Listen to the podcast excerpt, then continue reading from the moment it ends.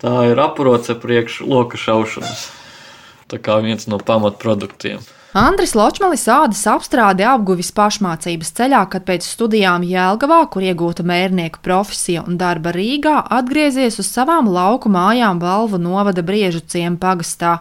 Rādas apstrāde darbojas jau aptuveni astoņus gadus, un tā ir kļuvusi par jaunā meistara pamatnodarbošanos. Patīk visādi jādas accessori, ir rokas sprādzes un viss kaut kas tāds. Un, tā kā nekur īsti nevarēja nopirkt to, ko pašam gribās, tad izdomāju pats pamēģināt kaut ko uztaisīt. Tā kaut ko vienu pamēģināju, kaut ko otru, un tā tas pamazām aizgāja. Top ļoti daudz kas, un tās ir tās pašas aproces, jostas, maki, somas, piekariņi.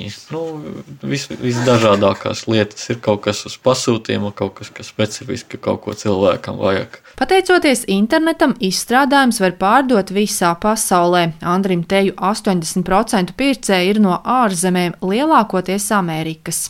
Tā ir tāda mūsdienu priekšrocība, ka tu vari strādāt praktiski no jebkuras vietas, kur ir internets. Nu, man vēl plus, lai vēl būtu pasta stūmā, lai es pēc tam savu preci varu nosūtīt. Lai kļūtu par amatnieku un ar to pelnītu iztiku, ir jābūt drosmei, jānotic sev, ka to var darīt un ka izdosies. Tas ir viens no izaicinājumiem, uzsākot darbību.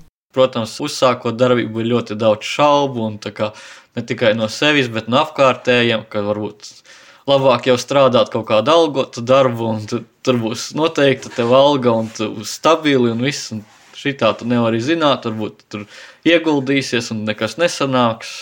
Andris Ločmalis ir izmantojis biznesa inkubātora atbalstu, lai pilnveidotu savu darbības jomu. Atzīst, ka ir dažādas iespējas, kā gūt arī finansiālu atbalstu, taču līdz šim Andrim nav bijusi nepieciešamība pēc tās. Taču katru trūkumu, kas apgrūtina darbību, min neskaidrības ar nodokļu sistēmu. Mums tā politika ir tāda, ka tas, tie likumi mainās katru gadu, un daudz ir tādi aspekti, ka pat grāmatveži netiek galā, jo sākumā pieņem vienu, un pēc tam domā citu, un vēl kaut kas notiek savādāk. Grāmatvedībā tas ir diezgan grūts aspekts. Arī Latvijas Tirzniecības un Rūpniecības kameras valdes priekšsēdētājs Jānis Enziņš nodokļu sistēmu mikro uzņēmumiem raksturo kā nedraudzīgu, uzsverot, ka sīkajam biznesam ir nepieciešami viegli administrējams nodokļu režīms. Jāsaka, ka šobrīd nu, tiem sīkā biznesa tas viss regulējums, viņš ir tik sadrumstalots, tik, es teiktu, arī sarežģīts un tur prasās uzlabojums. 2010. gadā krīzes laikā izveidotā mikro uzņēmuma atbalsta programma, kas sīkajiem uzņēmējiem paredzēja iespēju kļūt par patentu maksātājiem, un mikro uzņēmuma nodoklis bija krietni atbalstošāks. Bet nu, jāsaka, laikam ejot, abi šie nodokļu režīmi lielā mērā ir sagandēti, jo patentu maksas ir ļoti reti izmantotas un tur sašaurināts tās iespējas viņas izmantot. Savukārt mikro uzņēmuma nodokļiem jau nu, tur tik daudz tie grozījumi bijuši un likmes ir kāpušas un dažādi ierobežojumi, ka faktiski tur jau arī šo režīmu izmanto gaužām maz.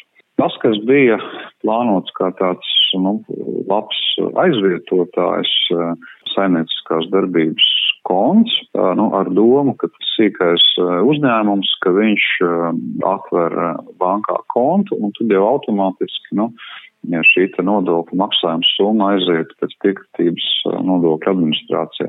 Bet arī tā ideja pagaidām vēl ir iesprūdus kaut kur vārds gaitiņos. Tā kā nu, no tā nodokļu vienkāršības viedokļa, nu, tur izaicinājumi īstenībā vēl ir. Un, un es tā vienā teikumā teiktu, ka šobrīd, diemžēl, tāds um, vienkārši atbilstošs nodokļu režīms sīkajam biznesam, diemžēl nav, un tā ir problēma. Savukārt jau krietni labāka situācija ir ar finansiālu atbalsta saņemšanu. Tur palīdz arī vietējās vietvaras, sniedzot līdzfinansējumu dažādu ideju īstenošanai. Tāpat darbojas arī biznesa inkubātora programma, ko administrē Latvijas Investīciju un attīstības aģentūra, kas ir labs veids, kā uzsākt un attīstīt amatniecību jau par nelielu biznesa formu.